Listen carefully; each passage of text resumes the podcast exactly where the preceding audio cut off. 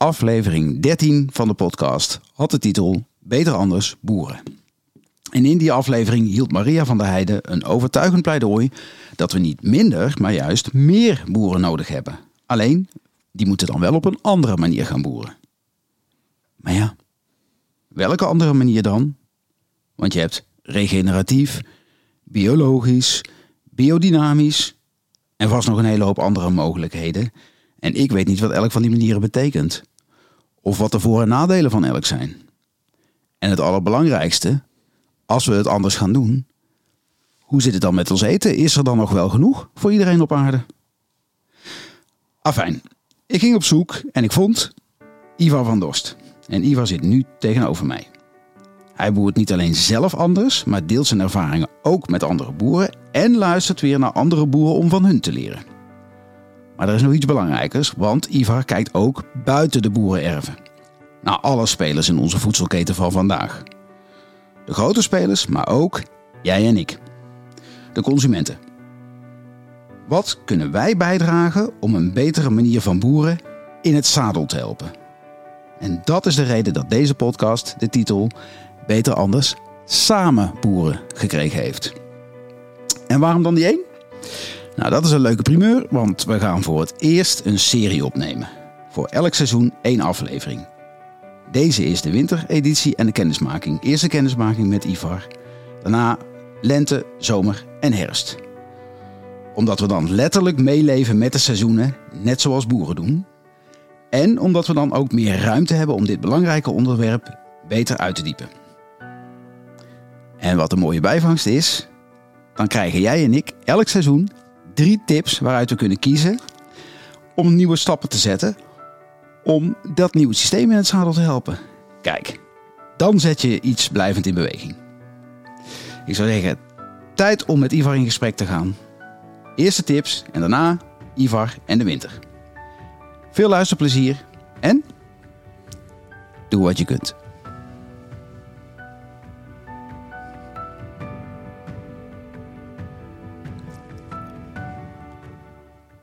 Nou, uh, daar zitten we. Ja, mooie uh, introductie. ja, dankjewel. Ja, ik, dat is fijn om te horen, dankjewel. Uh, maar ja, mooi onderwerp ook waar we het over gaan hebben, moet ik zeggen. Uh, ja, de eerste vraag hiervan is eigenlijk altijd... Waarom ben jij degene die dit in een stroomversnelling gaat brengen? De impact die ik misschien zelf maak is niet zo groot. En dat is iets wat we vaak denken als, als, als kleine individueel, zeg maar. Mm -hmm. Maar um, je leidt bij uh, voorbeeld, je leidt bij exempel. Um, dus wat ik doe is misschien um, relatief klein. Mm -hmm. maar het feit dat ik alles eigenlijk heel openlijk wil delen, dat ik mensen wil ontvangen, uh, dat ik uh, graag mijn verhaal wil doen, voor bedrijven, voor andere boeren, inderdaad, zoals je zegt, maar soms ook net zo goed bij burgers, uh, burgersinitiatieven. Um, maakt het dat we dingen met elkaar gaan delen, dat we anders gaan kijken gezamenlijk um, naar hoe we kunnen werken. Um, dus ergens een overkoepelend doel bij mij is altijd wel ergens, uh, laten we zoveel mogelijk motiveren en inspireren en kijken wat dat ons gaat brengen. Oké. Okay. Nou, dan heb je een uh, fijn dat je hier zit dan. ja, nou, dit heeft dus ook net zo goed zo'n functie. Ja, zeker. Ja, ja. Oké. Okay. Uh, ja, en, en, en, en, dit is meer algemeen. Ik deel kennis. Wat dan specifiek dit onderdeel beter anders boe samen boeren? Omdat je dat voorleest, leeft. Omdat je het doet. Je zegt, waarom ben ik vroeg me waarom ben jij dan degene die dit in de stroomversnelling brengt? Met name het uh, samen boeren. Ja, um, toen ik begon had ik eigenlijk heel weinig idee van, van samen boeren. Ik denk, um, ik, ik, wilde eigenlijk, waar het, waar het mee begon, het boeren in ieder geval, um, was bij ik wil gewoon verandering teweeg brengen. En ik wil gaan proberen um, dat um, onderzoeken te gaan doen, zeg maar, naar hoe we dat dan duurzamer kunnen doen. Okay.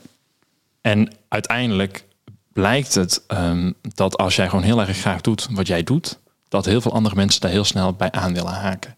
En dat je eigenlijk in één keer een soort gemeenschap gaat krijgen. Uh, en dat brengt me eigenlijk al een beetje bij een van mijn tips. Oeh, is nou, vooral ja, laten we dat dan meteen doen. on, onderschat de kracht zeg maar niet van gemeenschappen. Mm -hmm. hè, van die lokale gemeenschappen. Okay. In het begin was ik heel erg bezig met um, het, het hoe het, het wat, zeg maar. Dus het, mijn product verkopen of eh, waarom het dan eigenlijk eh, zo goed was, zeg maar. Ehm, maar daar slaat eigenlijk niemand echt op aan, merkte ik. En op een gegeven moment denk ik, dat ga, ga ik nou maar loslaten. Ik ga wel gewoon eerst zorgen dat ik alles op een rijtje heb van wat ik, hoe ik het allemaal wil. Ehm, en ondertussen bleef ik gewoon mijn verhaal vertellen zoals ik dat eigenlijk altijd doe. Ehm, en heel veel mensen beginnen uit zichzelf heel enthousiast te worden. Beginnen met zelf allerlei ideeën te komen waar ik regelmatig toch wel ja tegen zeg. Mhm. Ehm, waardoor er in één keer allerlei uh, plannen en ideeën gaan ontstaan en, en probeersels eigenlijk. Uh, waarvan sommigen dan ook best succesvol, eh, sommigen minder. Um, maar waardoor in één keer een hele community zich omheen gaat vormen en dat eigenlijk een beetje zelf gaat reguleren. Waardoor ik eigenlijk ergens mijn handen kan trekken en zeggen van het regelt zichzelf. Die mensen regelen zichzelf. Um, en zo heb je echt in één keer een hele, hele mooie community om je heen als je eigenlijk focust op de waarom. Grappig, want ik hoor je eigenlijk zeggen dat daarmee, dat, eh, waar je dus samen boeren wilde, dat je in eerste instantie vooral ging vertellen waarom dat belangrijk was, tot je ermee stopte en toen kwam het samen naar het boeren toe. Ja, dan komt het vanzelf. En dat merk ik, denk, denk ik dat dat wel vaak voorkomt als je net een bedrijf begint natuurlijk. Mm. Je probeert heel erg jouw ding aan de man te brengen. Maar uiteindelijk als je dat ergens loslaat, dan is dat veel natuurlijker en ga je gewoon focussen op ehm, op het goed doen.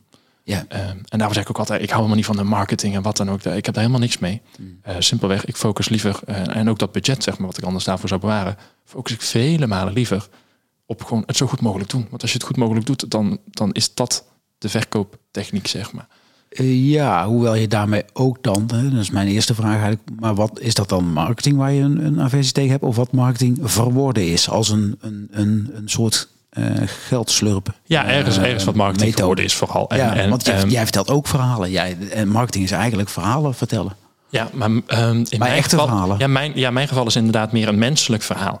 Um, en, en waar ik dan misschien ergens een, eh, een, een afkeur tegen heb, is uh, dat we tegenwoordig al heel veel um, notificaties en dergelijke krijgen. We krijgen al heel veel inputs. Overal ja. zie je reclames, overal zie je bedrijven die eigenlijk aandacht van je willen trekken. Ja. Um, en ik hou dat eigenlijk altijd graag heel erg op een heel natuurlijke manier. Um, dus niet met flitsende dingen of, of uh, iets van die marketing, maar eigenlijk gewoon ik als persoon. Ja. Of mijn verhaal, ja. of wat wij doen, of het product zelf, wat dan voor zich gaat spreken. Ja. Um, en ik denk dat dat ergens uh, een soort mooier, mooiere manier is van iemands aandacht trekken, zeg maar. Ja, cool. Wil je jezelf laten zien dan jezelf verkopen eigenlijk, hoor ik je zeggen. Ja, en daarin zit ook het stukje transparantie waar ik heel erg voor sta. Ja. Um, en het, ja, dat, dat is gewoon oprechtheid. En dat, ik kan beter gewoon zeggen wat ik denk dan... Ja. ja. Dat is ook maar duidelijk. ja. ja. Eigenlijk wel. Oké, okay. nou, door naar tip 2 zou ik zeggen.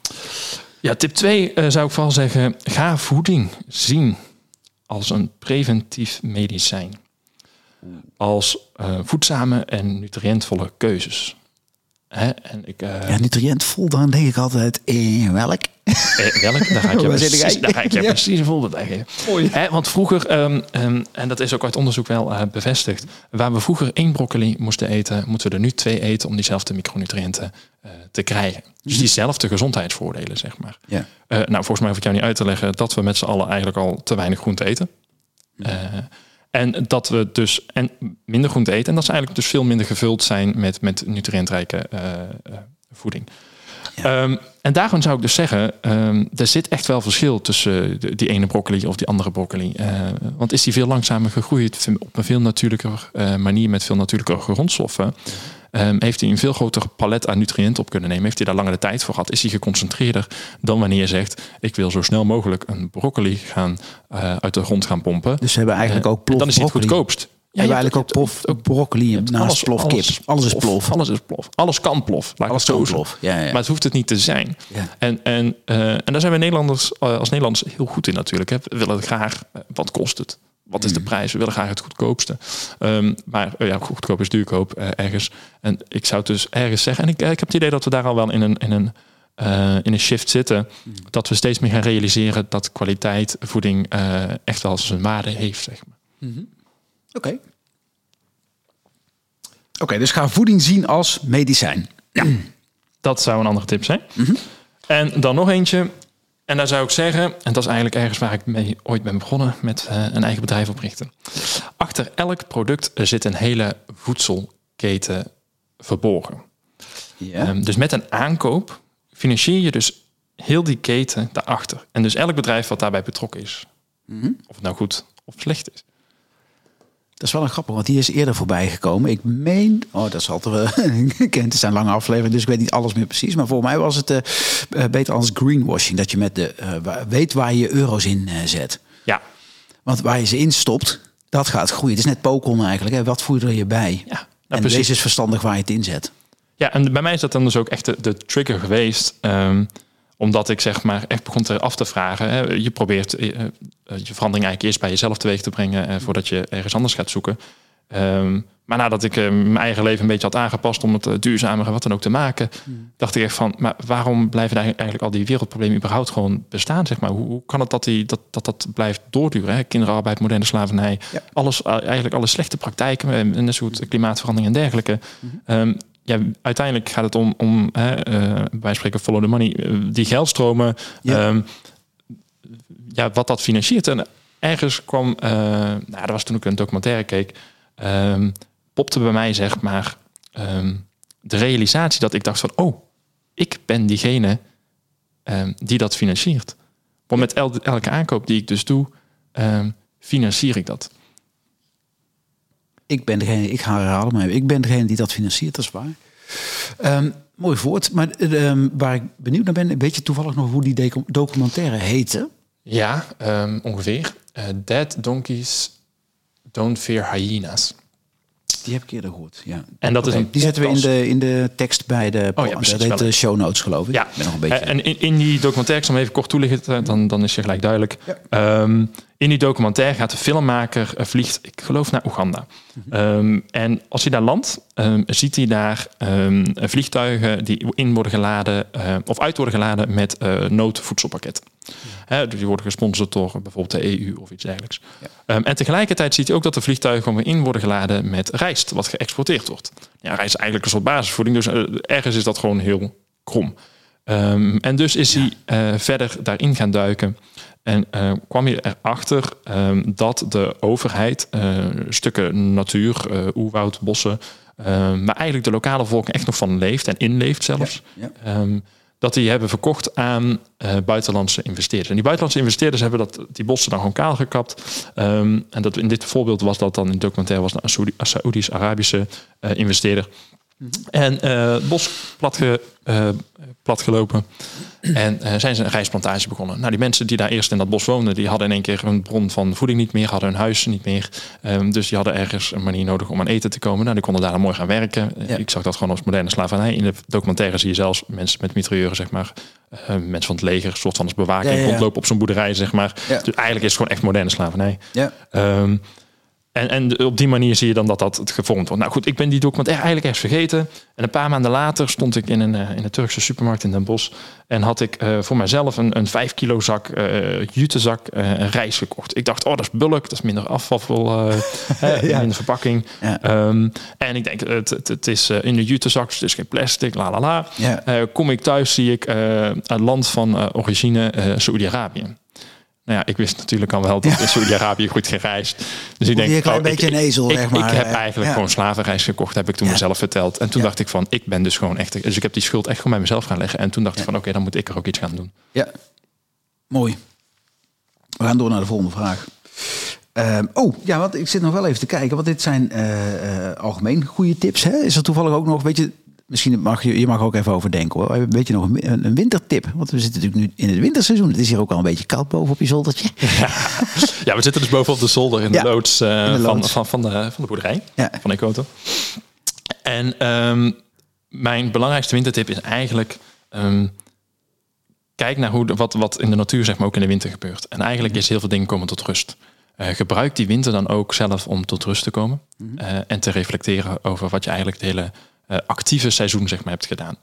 Want in het voorjaar dan wil je weer van alles doen. Eh, dus als je daarvoor al kan reflecteren, dan eh, kun je voordat al die energie in de kriebels komen, kun je dat eigenlijk meenemen in wat wil je dit jaar gaan doen. Dus Ja. ga eigenlijk een beetje meeleven met die seizoenen. Ja, in de zomer ben je al heel druk bezig en in het najaar ben je alweer een beetje meer aan het inkrimpen. Gebruik die winter dan dus ook gewoon even om extra rust te pakken. En ga dan ook even reflecteren. We hadden het in het voorgesprek over dat we heel eerlijk zouden zijn en open. En het grappige is dat ik, dat ik de neiging voel in mezelf. Dat is echt best wel lelijk. Maar dat ik de neiging voel om te zeggen: Ja, ja, maar heb je ook nog iets wat met, met groente of zo te maken heeft? terwijl, terwijl ik, als ik heel eerlijk ben, en dat ga ik dus ook zijn. Uh, uh, dit, dit, dit lees ik uh, op meerdere plekken en hoor ik ook zelf ook met name heel vaak. Hè, want ik ben iets wat ik heb de neiging om iets te veel te doen. Dus het is eigenlijk stap ik nu over mijn eigen, wat ik, wat ik het beste wel zou kunnen doen. Ja. ja. Dus, dus nou goed, bij deze kleine, dit kleine intermezzo, we doen dus niet een extra tip, dat gaan we niet doen. Het is tot rust komen. Het is tot rust komen en dat juist ja. Uh, als je een, een, een, een, simpel, of nou, simpel wil ik niet zeggen, misschien een nobel beroep hebt als boer, zeg maar, hmm. um, kom je dat heel erg tegen. Uh, en heel vaak wordt aan mij gevraagd, wat doe je dan ook in de winter? Uh, hè, want dan staat er niks op het land of, of minder. Um, ja, slapen ja, gewoon echt uh, rust. En dat heb je echt nodig. Bijkomen, ja, ja. ja bijkomen, want de rest van het, jaar, het jaar sta je gewoon keihard te werken. Ja. Um, ja. En dat is voor mij van toepassing. Maar nogmaals, voor andere mensen kan dat net zo goed van toepassing zijn. Ja. Um, dus Mooi. leef een beetje mee met die seizoenen. We gaan verder. De, uh, ja, je wil, je, ik, we, we, hebben elkaar natuurlijk een paar keer gesproken van tevoren. En uh, je, het was niet je plan. Gaan boeren. Ja, nee. Klopt. ja, dat zijn leuke verhalen. Dus ja, zeker. Uh, nee, ergens, ergens als kind, eh, dan, dan ik groeide op op het tuinbouwbedrijf van mijn ouders. Die zijn in 2004 al gestopt hoor. En dat was hier hè? Dat was hier op deze locatie. Ja. En uh, sinds 2004 is dat een beetje uh, komen te, te, vervallen eigenlijk. Hè? Want je hebt er geen bedrijfsactiviteiten. Dus je doet nog maar weinig op, het, op de bedrijfslocaties. Je vader heeft er een beetje potje van laten maken worden. ergens nee hoor. Wel, nee. um, maar... Um, ja, daar komt het dus zeg maar op, op neer. Dat, dat ik, ik, ik was daar wel heel erg door geïnspireerd. En ik ben natuurlijk echt al als een boerenkind zeg maar, uh, uh, opgegroeid. Mhm. um, maar goed, ik maakte ook mee dat mijn ouders er stopten. Dat ze het uh, best wel lastig hadden om elk jaar dan toch weer een inkomen eruit te halen. Mhm. um, en dan vlak nadat ze gestopt waren, ehm, althans in 2004 waren ze gestopt. Toen hebben ze even een boomkwekerijtak geprobeerd. Nou, toen hebben ze dat gestopt en toen kwam de financiële crisis nog bovenop. Dus dat had ik, ja, toen ik mijn keuze moest maken, nou dat was misschien een paar jaar later dan die financiële crisis, dacht ik van ja, wil ik nou toch wel een boer worden? En toen dacht ik, weet je wat, de meeste boeren zijn boer geworden zonder een uh, hele complexe opleiding. Als ik dat wil worden, dan word ik dat altijd nog wel. Mm -hmm. goed, uh, lang verhaal kort. Ben maar een hele bakkerijopleiding gaan doen, een hele andere opleiding. Maar ik wilde toch weer terug naar gezond voedsel. Dus uiteindelijk toch weer een agrarische opleiding gedaan op de Haas Hogeschool. Um, en, en uiteindelijk weer helemaal in agrarisch gerold, zeg maar. Um, Maar wel ketenbreed, zeg maar. En dat is ook echt wat ik bij mijn opleiding op de HAS heb geleerd. Is het uh, van A tot Z. Ja. En dat van A tot Z is dus belangrijk. En nogmaals, die keten. Eh, dat is samen echt, dus. Ja, ja, al die factoren hebben allemaal een rol. En dat moeten we gewoon samen, uh, moet dat goed zijn. En het dus, ligt niet alleen bij de boer. En niet alleen de boer moet het goed doen. Ja. Maar heel die keten moet het goed doen. Ja. Uh, en daar hoort iedereen bij. Ja. Ook jij en ik. Absoluut. Absoluut. Um, goh, ik ben nu al blij van met dit... Uh met deze podcast. We gaan verder. Um, ja, wat, wat had jouw manier van boeren in? En ik noem het bewust jouw manier van boeren, want help even met ook wat, wat jouw manier is. Ja, um, het eh, visualiseren helpt altijd heel erg. Want mijn manier van boeren is altijd een beetje een visueel uh, verhaal. Um, maar ik ga jullie proberen mee te nemen. Um, simpelweg, um, mijn manier van boeren, en dat ik nogmaals, dat is eigenlijk ook niet echt uh, de manier. Uh, dat is echt gewoon een voorbeeld. Ik, nogmaals, een voorbeeldfunctie of een, een, een motiverende functie, dat is allemaal top. Uh, en sommige dingen zijn echt wel heel goed toepasbaar door andere boeren of, of voor andere boeren. Um, maar mijn manier van boeren is het, het korte keten vermarkt, dat sowieso. Dus ik zoek zelf overal afnemen voor. Mm -hmm. dan de manier waarop we het telen is, uh, dat noemen we een strokenteelt. Uh, En dat betekent eigenlijk uh, dat als je naar ons land zou kijken, dan zou je geen één groot veld van groen gas zien of één groot veld van golvend graan, gerst. Ja. Um, maar zie je dus um, op plekje 1 staat dan misschien inderdaad gerst. Op plekje 2 staat dan gras. Maar dan staan er nog drie gewassen. En dan zie je weer gerst en weer gras. En dan weer drie gewassen en weer gerst en weer gas.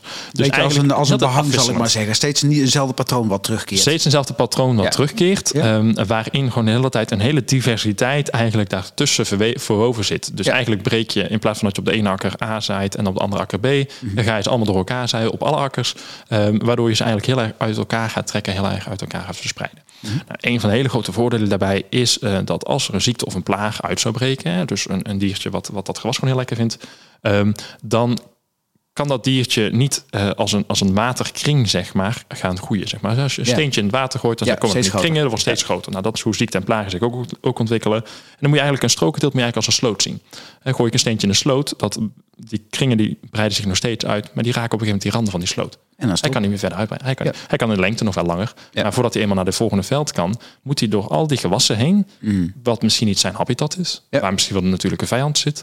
En op deze manier laten we dus eigenlijk dus de, de manier, de, het systeem waarin wij werken, de manier van telen, laten we eigenlijk voor ons werken. Maar dat klinkt een beetje als minder efficiënt, maar veel meer robuust. Meer robuust. En gewoon meer de natuur het werk laten doen. Dus ergens misschien minder efficiënt, maar ik hoef geen dure spruitmiddelen te kopen en überhaupt chemie te gebruiken, wat niet zo goed voor de gezondheid is. Voor de duidelijkheid, hier zit niet een propagandist van uh, efficiëntie. Uh, zeker niet meer. Nee. nee. nee. Oké, helder. Maar daarmee houdt dus veel meer in de hand, zeg maar. Ja, juist. En nou, daarmee Zonder je... het in de hand te houden. Je laat meer de natuur eigenlijk, gaan, eigenlijk dat is het vooral. Je laat meer de natuur uh, het werk doen. En, en dus je gaat eigenlijk meer um, ergens een beetje het systeem hacken bijna. En zeggen van, uh, maar dit is hoe de natuur het werk voor jou kan doen. Laten we dat dan niet zo doen. Ik zou bijna het omgekeerde willen uh, beweren. Vertel.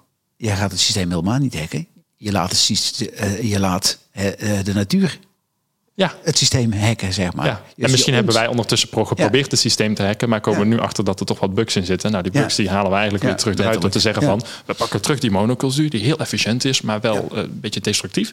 Um, en die kunnen wij weer combineren met wat we in de natuur zien. En in de natuur zou je zeg maar een, een een allerhande uh, oerwoud zien waarin bomen, struiken, denk aan voedselbossen als je die kent, ja, ja. Uh, bomen, struiken, laaggewas, uh, meerjarige kruiden met wortelgewassen, alles door elkaar. Ja. Dat is eigenlijk wat je in, een, in het ultieme oerwoud zou zien, zeg maar. Nou, die hebben we natuurlijk in Nederland niet meer. Ehm, maar dat is eigenlijk wel wat je van nature zou zien. Mm -hmm.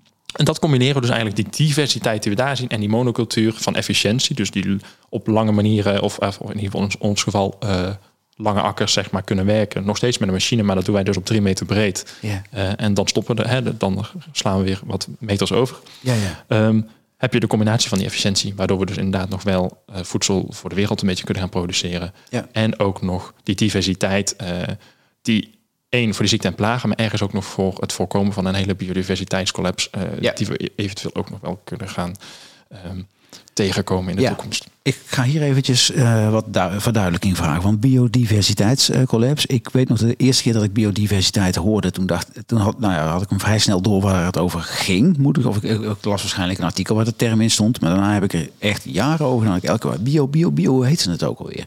Dus vertel het even in, uh, in in simpele taal. Simpele ehm, ja. Als ik, ik kan het eigenlijk bijna vergelijken met even een, niet heel populair onderwerp met COVID. Um, want eigenlijk zie je daar precies hetzelfde in. Mhm. um, hoe, meer, je, uh, hoe minder diversiteit je krijgt, dus hoe meer van hetzelfde, mm hoe makkelijker dingen zich kunnen gaan verspreiden. Hè? Virussen, ziektes en dergelijke. Um, nou, in de agrarische sector proberen we dat hè, dus op deze manier met strokenteelt door te mhm. zeggen van we gaan de planten gaan we diversificeren, waardoor de diertjes die de plagen zijn uh, er wel in kunnen leven, maar niet een plaag kunnen zijn, zeg maar. Mhm. um, maar dat kun je heel breed trekken. Je kan dat qua dieren, qua mensen kun je dat ook zeggen. En qua mensen zijn we veel meer op elkaar gaan leven, waardoor als er één iemand ziek wordt, dat we veel sneller met z'n allen uh, ziek dreigen te worden.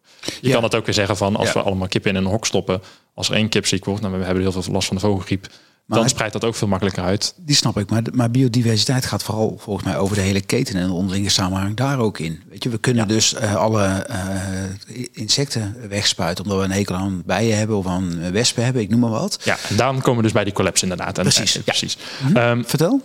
Nou, die insecten, ondanks dat ze heel vervelend lijken, als een mug of een vlieg, mhm. ehm, die hebben allemaal wel ergens een heel erg een functie. En dat, heel dat systeem is zo complex dat dat zo in elkaar verwoven zit, dat je ergens een domino-effect gaat krijgen als je zeg maar uh, die hele kleine insectjes, die wij al, een platluis of een, of een, een, een, mug of een vlieg inderdaad, mhm. dat je die weg gaat nemen. En als je die wegneemt, dan kan het zijn dat op een gegeven moment die volgende schakel. En eigenlijk is, hè, we leven eigenlijk in een piramide. Nou, vaak zetten we onszelf uh, bovenop, zeg maar, want wij mhm. eten bijna alles. En uh, wat we niet eten, dat willen we nog wel eens uh, aan de muur hangen als uh, trofee. um, komt er wel op neer.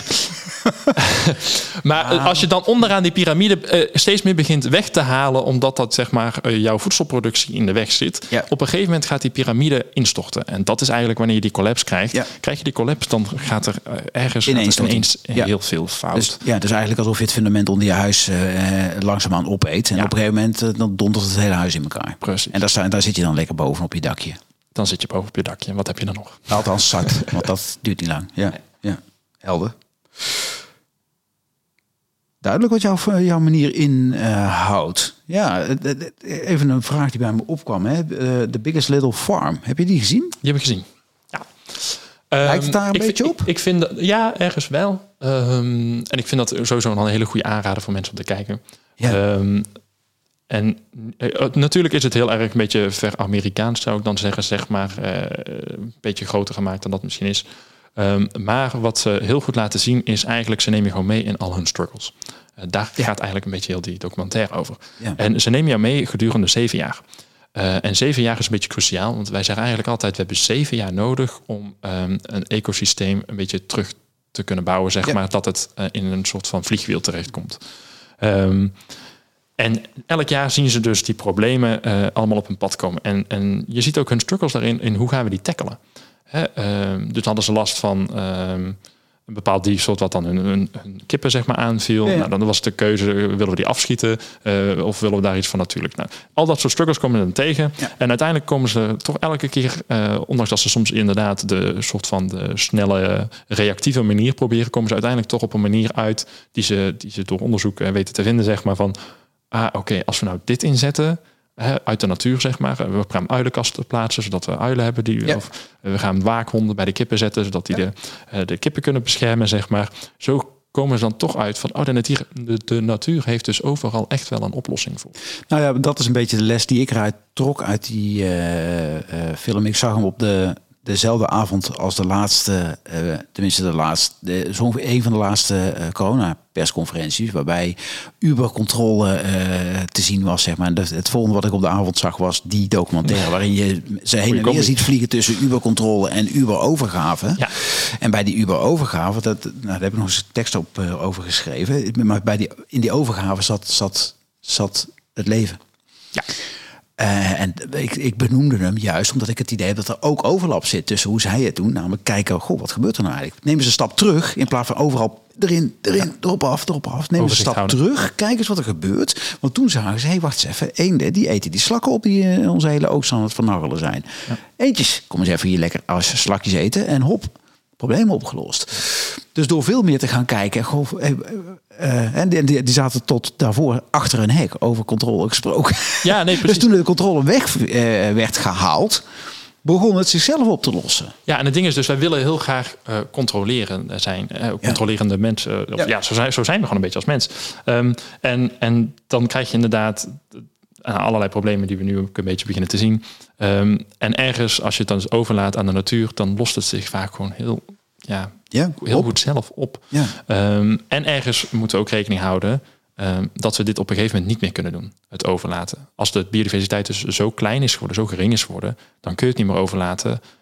Want er missen al te veel stukjes uit deze keten, uit deze domino, zeg maar, dat die niet meer werkt. Dus wachten we daar te lang mee, Ja. Dan, dan kun je het wel aan zich overlaten, maar de balans is er zoveel uit. ehm, dat bepaalde dieren ehm, Dat je geen voedingsbron meer hebben. Dat, Ja, dat inderdaad plagen, krijgen. Ja. Nou, dat is wat je met springkanenplagen ook al in Australië kan zien, bijvoorbeeld. En Nederland met, eh, volgens mij met, eh, hoe noemt het, brahmastruiken en uh, Ja, in het geval van, ja, die opkomen dankzij stik. eh, in het geval van flora zie je dat dan Ja. overheersen. Ja. Oké, even nog een vraag, want dan vraag- graag naar de volgende. Maar de, ehm, eh, want dit is de manier waarop jij het doet. Nou, we hebben in de intro gehoord, en dat heb jij mezelf natuurlijk ook verteld, is dat je ook heel veel met andere boeren nou, deelt, hè? Maar ook weer van hun kennis ophaalt.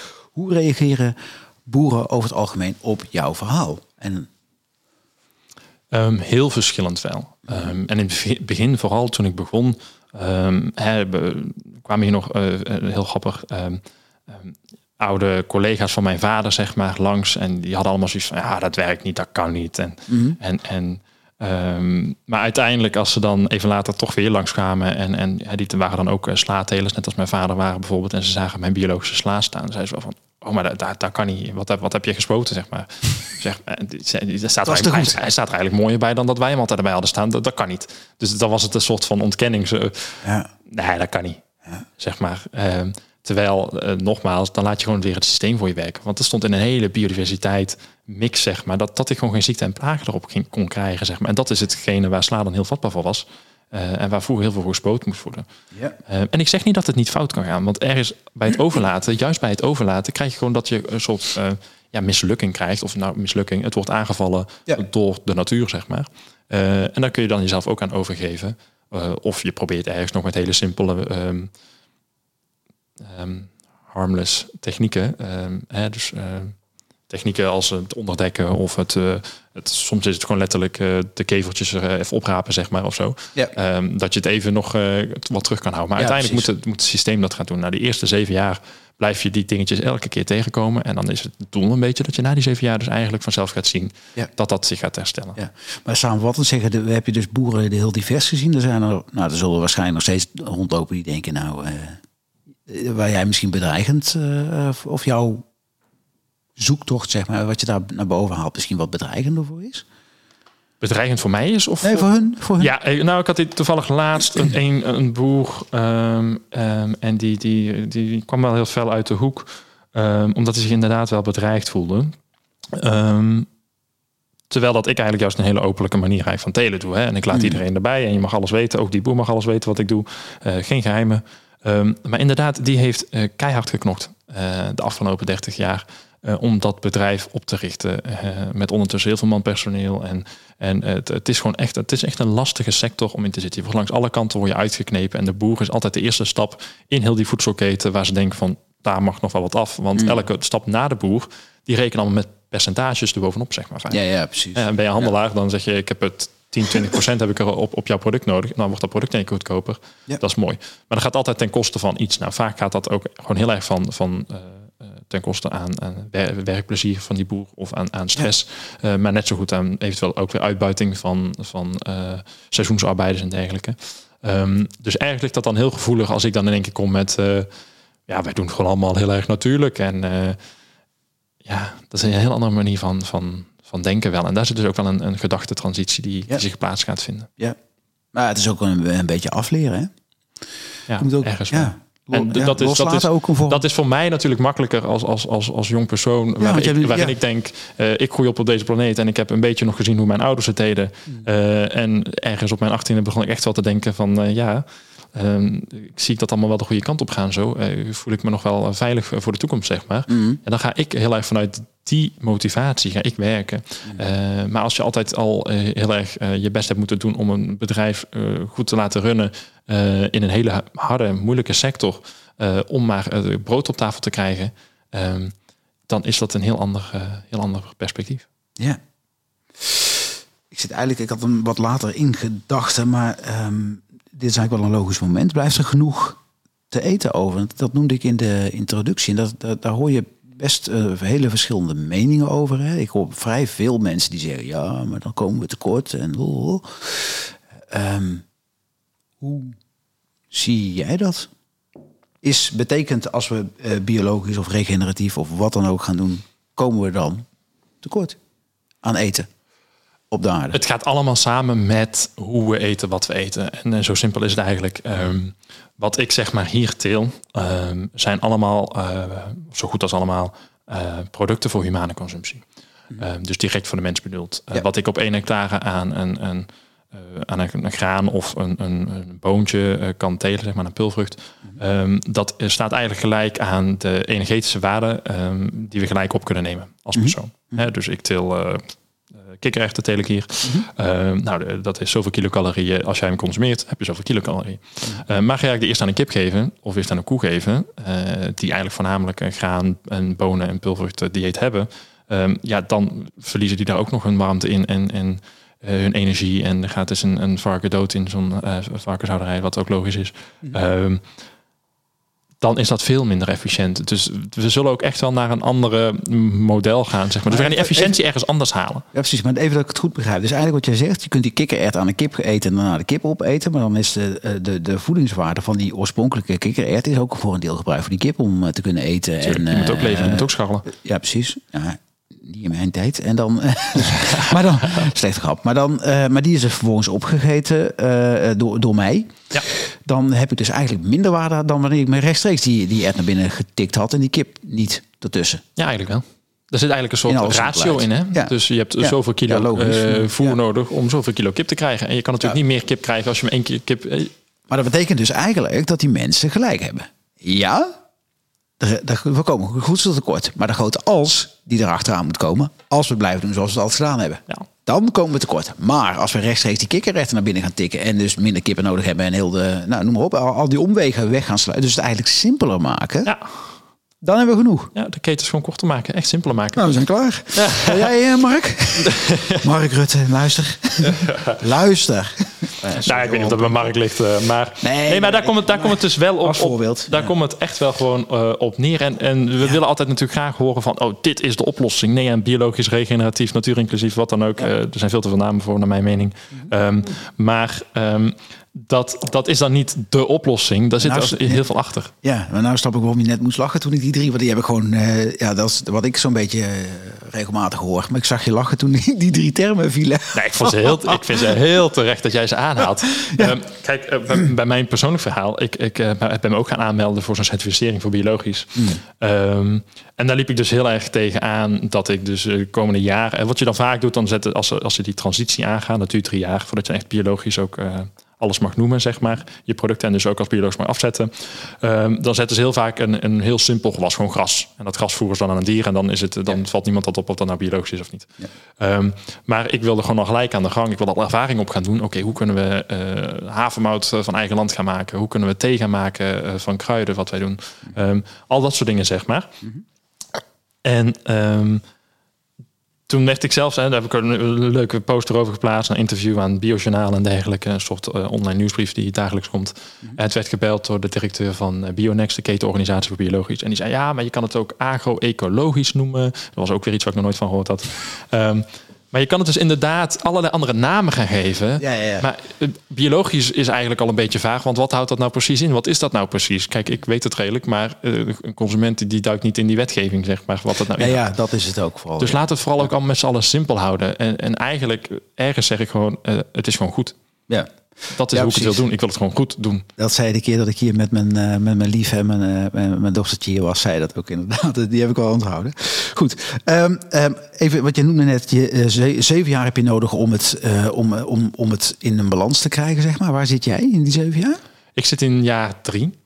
Ehm, of ja, we gaan nou jaar vier misschien al. Nou, laten we zeggen jaar drie. Ik hoor een langere reeks, maar ga verder. Nou, wie weet. Ja. Ik zit ergens in jaar drie. Eh, Ik moet er wel ergens een kanttekening bij geven. ehm, dat, Mhm. ehm, ook al wil ik dit een soort bio- biodiversiteitsverhallen gaan creëren... als ik dat op een kleine oppervlakte doe en al mijn buren zijn nog steeds heel erg mono... ehm, dan eh, krijg je natuurlijk dat al alle dieren ook bij mij ergens naar mijn akker toe komen... en dat ze alleen mij aan blijven vallen. Dus Ja. misschien ook na die zeven jaar nog. Dus ik hoop dat ik tegen die tijd van zeven jaar... dat er al iets meer biodiversiteit eh, Ken je, die, gerealiseerd is. ken je die mop van die twee krekels op een... hey, je ziet er lekker eten daar. Ja, nou, inderdaad, ik wil er wel naartoe. Ja, dan gaan Dat is allemaal bij mij. Ja, hey, kom, we gaan naar Ivar.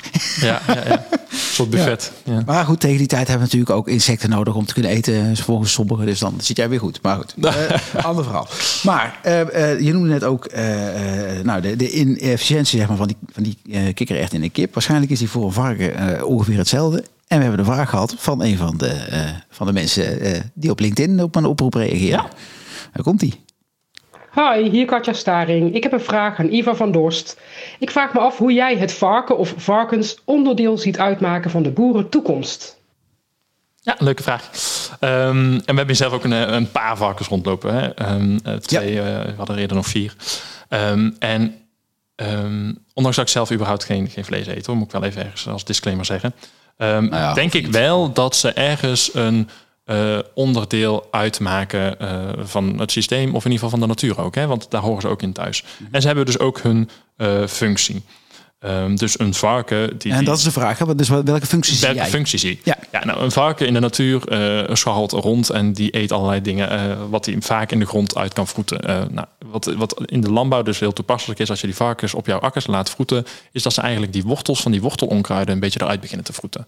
Ehm, dat zijn onkruiden die het lastig zijn te bestrijden. Ehm, zowel gangbaar als biologisch zijn die gewoon heel lastig te bestrijden. Zet je die varkens daarvoor in, eh, vroeten die eigenlijk die varkens eh, of die wortels op, zetten ze die eigenlijk al om in voeding. Eh, nou, daarnaast, ehm, eh, en dat bleek ook uit een onderzoek van Wageningen, is als jij dieren enkel nog gaat houden, eigenlijk voor het verwerken van of het omzetten van reststromen, dus die toch al veroorzaakt worden aan producten die wij niet kunnen eten. Ehm, als we die dan aan die dieren kunnen geven en daar dus eigenlijk wel weer opnieuw eten van kunnen maken, dan is dat nog efficiënter in landgebruik, alleen in landgebruik, ehm, voor, eh, voor, ja, voor productie van eten. Dus dan zeggen ze eigenlijk, hè, in het, in, in, in, in een, als je volledig plantaardig zou eten, heb je 0,12 hectare nodig. Ja. En zou je dan, eh, wat er dan overblijft van, van die plantaardige reststromen, dus een, een halve sojaboon die we niet in onze supermarkt eh, zakje willen hebben, dan komen we op eh, 0,08 tot 0,11 hectare uit. Dus nog net iets minder, zeg maar, dan die Dan wanneer wel, ja, ja. Dus het is iets beter, toch? Het kan iets beter zijn, Ja. maar dat zeg ik alleen nog even op landgebruik. Ja, precies, precies. En eh ethisch is dan weer een ander aspect. Emissieuitstoot van Ja. eh, de scheetjes zeg Ja, zaken, is dat ook weer heel anders. Ja. Oké. Dat is een helder antwoord. Dus nuttig te gebruiken. Dat- zijn het oh, dat zat ik nog te denken. Want je hebt daarmee dus wel een nieuwe term geïntroduceerd. Hè? Want dat betekent, betekent dus dat je niet en alleen regeneratief en biodynamisch en eh, wat ik nog meer en biologisch. Je hebt dus ook nog circulair. Ja. Circulair, regeneratief, biodynamisch, boer, Ivar. Nou jongen. Tegen de tijd dat je hebt gezegd wat je kunt doen, dan moet je weer aan het eten. Ja, precies. Ja. Ehm, Oké, we gaan door naar een andere vraag. Een van de mensen uit jouw eh, directe omgeving. Sterker nog, hij wordt steeds meer directe omgeving. Hey Ivar, ik eh, weet dat jij niet alleen oude rassen teelt, zoals oerhaver en Hollandse bonen, maar ook juist nieuwe teelten uitprobeert, zoals kikkerechten. Volgens mij de enige in Nederland die kikkerechten teelt, omdat het zo'n warm klimaat is geworden. En dan is mijn vraag eigenlijk, hoe gaan we in de toekomst die klimaatverandering, niet alleen de positieve vruchten ervan plukken, maar hoe gaan we zorgen dat de manier van landbouw, bedrijven in Nederland, op het gebied van water en andere dingen, dat dat bestendig blijft? Hoe gaat dat er over een aantal jaren uitzien en wat moeten alle boeren eigenlijk meteen als eerste doen? Ja, goede vraag. De kikker even al aangehaald inderdaad. Ehm, maar ehm, dus waar we ergens heel erg veel gefocust zijn op het voorkomen van klimaatverandering, heb ik ook al wel ergens een, een, een voetje staan, zeg maar, in het eh, klimaatadaptatie. Dus hoe kunnen we Ja. zo snel mogelijk ook wel, eh, zeker als dat in een, in een, echt in de stroomstelling gaat raken, zo'n eh, klimaatverandering, Mhm. exponentiële groei, zeg maar. Ehm, hoe kunnen we dan eigenlijk al een beetje voorbereid zijn op eh, andere manier van werken? Ja, simpel gezegd, wat nou als daadwerkelijk we, wat te laat zijn en het dus gaat warm worden? Dat is Ja, eigenlijk wat je zegt. dat is eigenlijk daar, ga je op vooruit. vooruit voor Daar ga ik op vooruit borduren. Ja, en ja. Mhm. eigenlijk is dat al gaande natuurlijk. Hè? Want als ik eh, kijk, eh 2019, 2000, sorry, 2018, 2019, 2020, eh 2021 niet en dan 2022 weer wel. Dus Mhm. eigenlijk vier van de vijf jaren, afgelopen jaren, waren allemaal hele droge zomers of een wel droge Ja. voorjaar. Ja. Ehm, en he- hebben die kikkerrechten bij mij dus heel goed gedaan. Op dat jaar 21 na hebben die het gewoon heel goed gedaan in die drie jaar dat ik hem Oh, nou heb geteeld. Want die, zijn, eh, die hebben niet zoveel vocht nodig. Die hebben echt geen vocht nodig. En, eh, ik zal wel even een beetje uitleggen. Een kikkererwt eh, die groeit zeg maar tot twee meter diepte met zijn wortels. Wat je dus krijgt als jij een, een, een, tijdens een hittegolf door dat gewas heen loopt, eh, dan is jouw broekspijpen zijn, of jouw broekspijpen zijn gewoon nat omdat dat plantje nog steeds vocht van twee meter diep kan uittrekken. Nee joh. Dus eigenlijk dit plantje, zodra het eh, bij het zaaien zeg maar, wat water heeft gehad en het heeft een beetje ontkiemd en het heeft een beetje wortel, eigenlijk hoeft het dan gewoon niet meer te regenen tot de oogst. Dus zo, zo extreem kan dit plantje, zeg maar, kan zichzelf aanpassen aan het extreem droog klimaat, mocht dat toepasbaar zijn. En het lukt dus nu al, ook in jaren dat we nog niet zo extreem hebben, Ja, ja, ja. als wat ik nu aan het eh omschrijven ben. Ja. En even een vraag dan, want, want ik, heb, ik, eh, ik eet ze, maar ik weet niet hoe groot, hoe groot wordt zo'n plant boven de grond. Zo'n Een- kikkererwte plant. 40 centimeter, 50 Oké, dus het is eigenlijk een omgekeerde. Ik wou vragen namelijk, maar ik dacht, ik doe eerst even een tussenvraag. Dit is dus eigenlijk een omgekeerde boom. Hij hangt meer in de grond Ja. dan erboven. Ja. Oh. En het vruchtje komt wel bovenaan. Ja, nou, dat is op zich wel handig, ja. Als met die varkens weer twee meter de Twee grond meter de grond, ja. Niet te doen. Ja. Ja, oké. Wauw. Dus kikkererwt is wel, eh, is wel een goed... Maar is- en ik weet eerlijk gezegd, want dan gaan we weer nutriënten. Is allemaal eh, termen dat ik denk, ja, oké, voedingsstoffen dus. Hè, maar de, de, de- de- oh, ik probeer het altijd eh, simpel te houden, anders onthoud ik het niet. Dus met beperkte geheugen. Ehm, maar die kikkererwten eten, dat is dus, is, hoe zitten zij qua, qua voedingswaarde? Is, het ook gezond? Zeg? Maar stel dat je minder vlees gaat eten, is dan kikkererwt een goed alternatief? Ja, Uh, kikkererwt is een pulvrucht. En een pulvrucht um, is dus uh, een eiwitbindend gewas. Dus, of ja. een stikstofbindend gewas. Stikstof is nodig voor de productie van eiwitten, even kort gezegd. Ja. Um, waardoor je dus um, die plantaardige eiwitten creëert. Ja, en uh, nou, wij kunnen zelf geen eiwitten creëren. Die moeten wij ook binnennemen. Nou, een dier kan dat net zo goed niet. Dus die zouden die kikkererwt moeten eten. Dus laten we die kikkererwt nogmaals weer zelf eten. En een kikkererwt is echt, ja, dat is ik meen uit mijn hoofd iets van 20 uh, gram per 100 gram. Zeg maar, dus gewoon 20% is al uh, eiwit. Ja. Uh, en daarnaast neem je natuurlijk in een, in een, natuurlijke vorm, waarin je de vezels erbij krijgt, maar ook sporenelementen, micro-elementen, waardoor het een, een mooi heel verhaal is, zeg maar.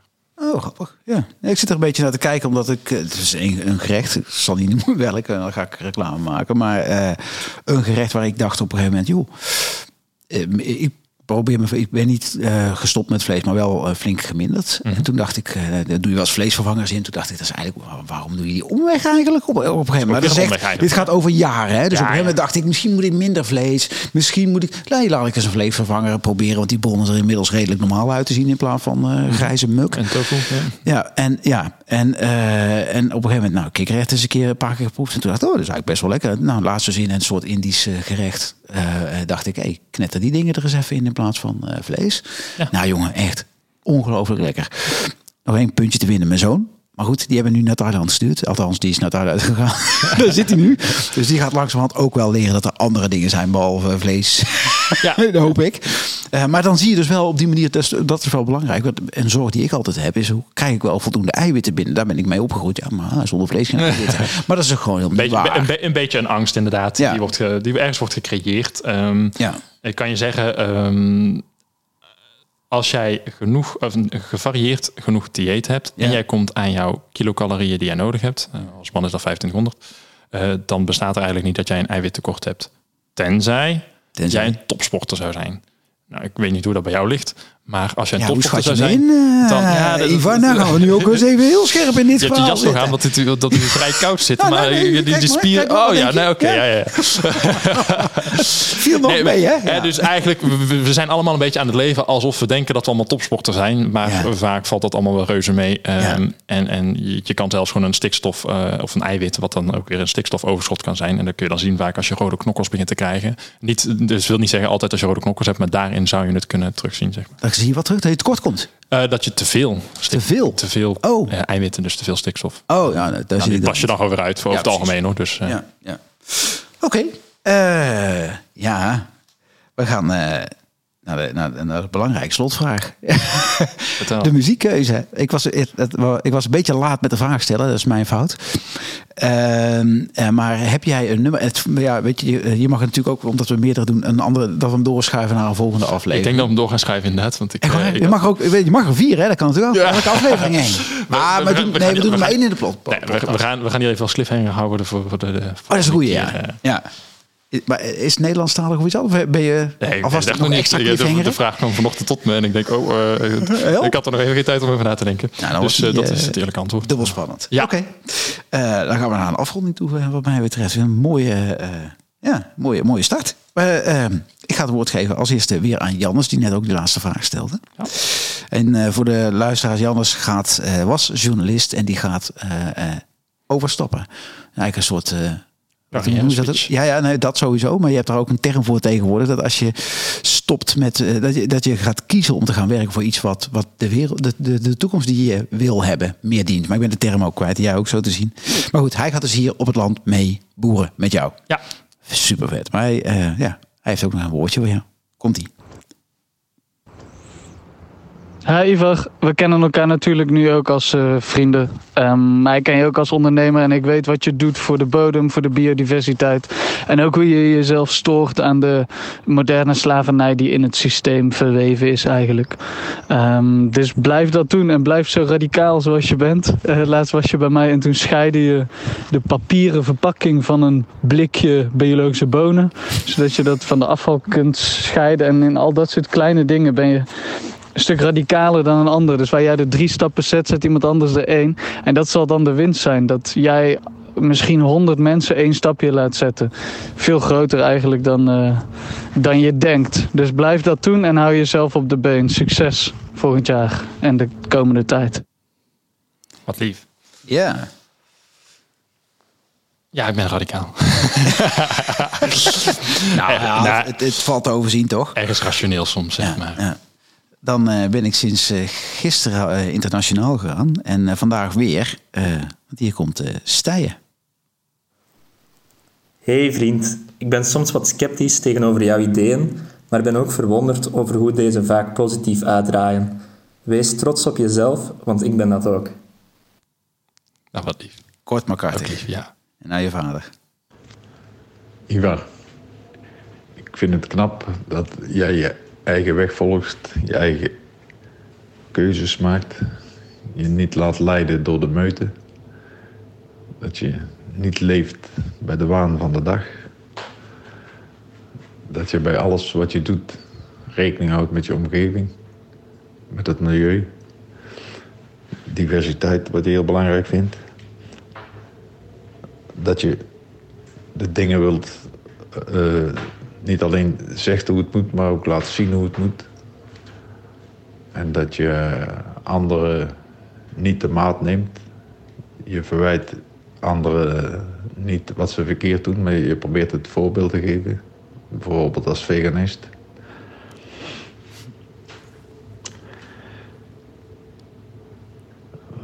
Ik vind het mooi hoe je, hoe je dingen die niet lukken ook weer makkelijk los kunt laten. Wat mij betreft eh, ben je voor jouw generatie een, eh, een voorbeeld. Je pakt dingen op die misschien eh, onze generatie al op moeten pakken.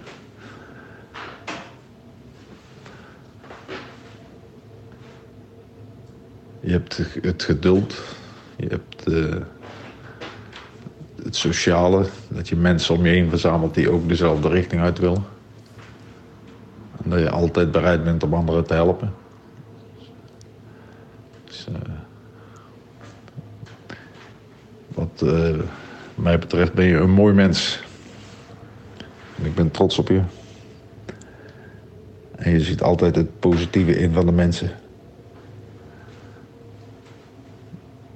En je probeert je voetdruk klein te houden door eh, te liften. Eh, vind het wat je doet.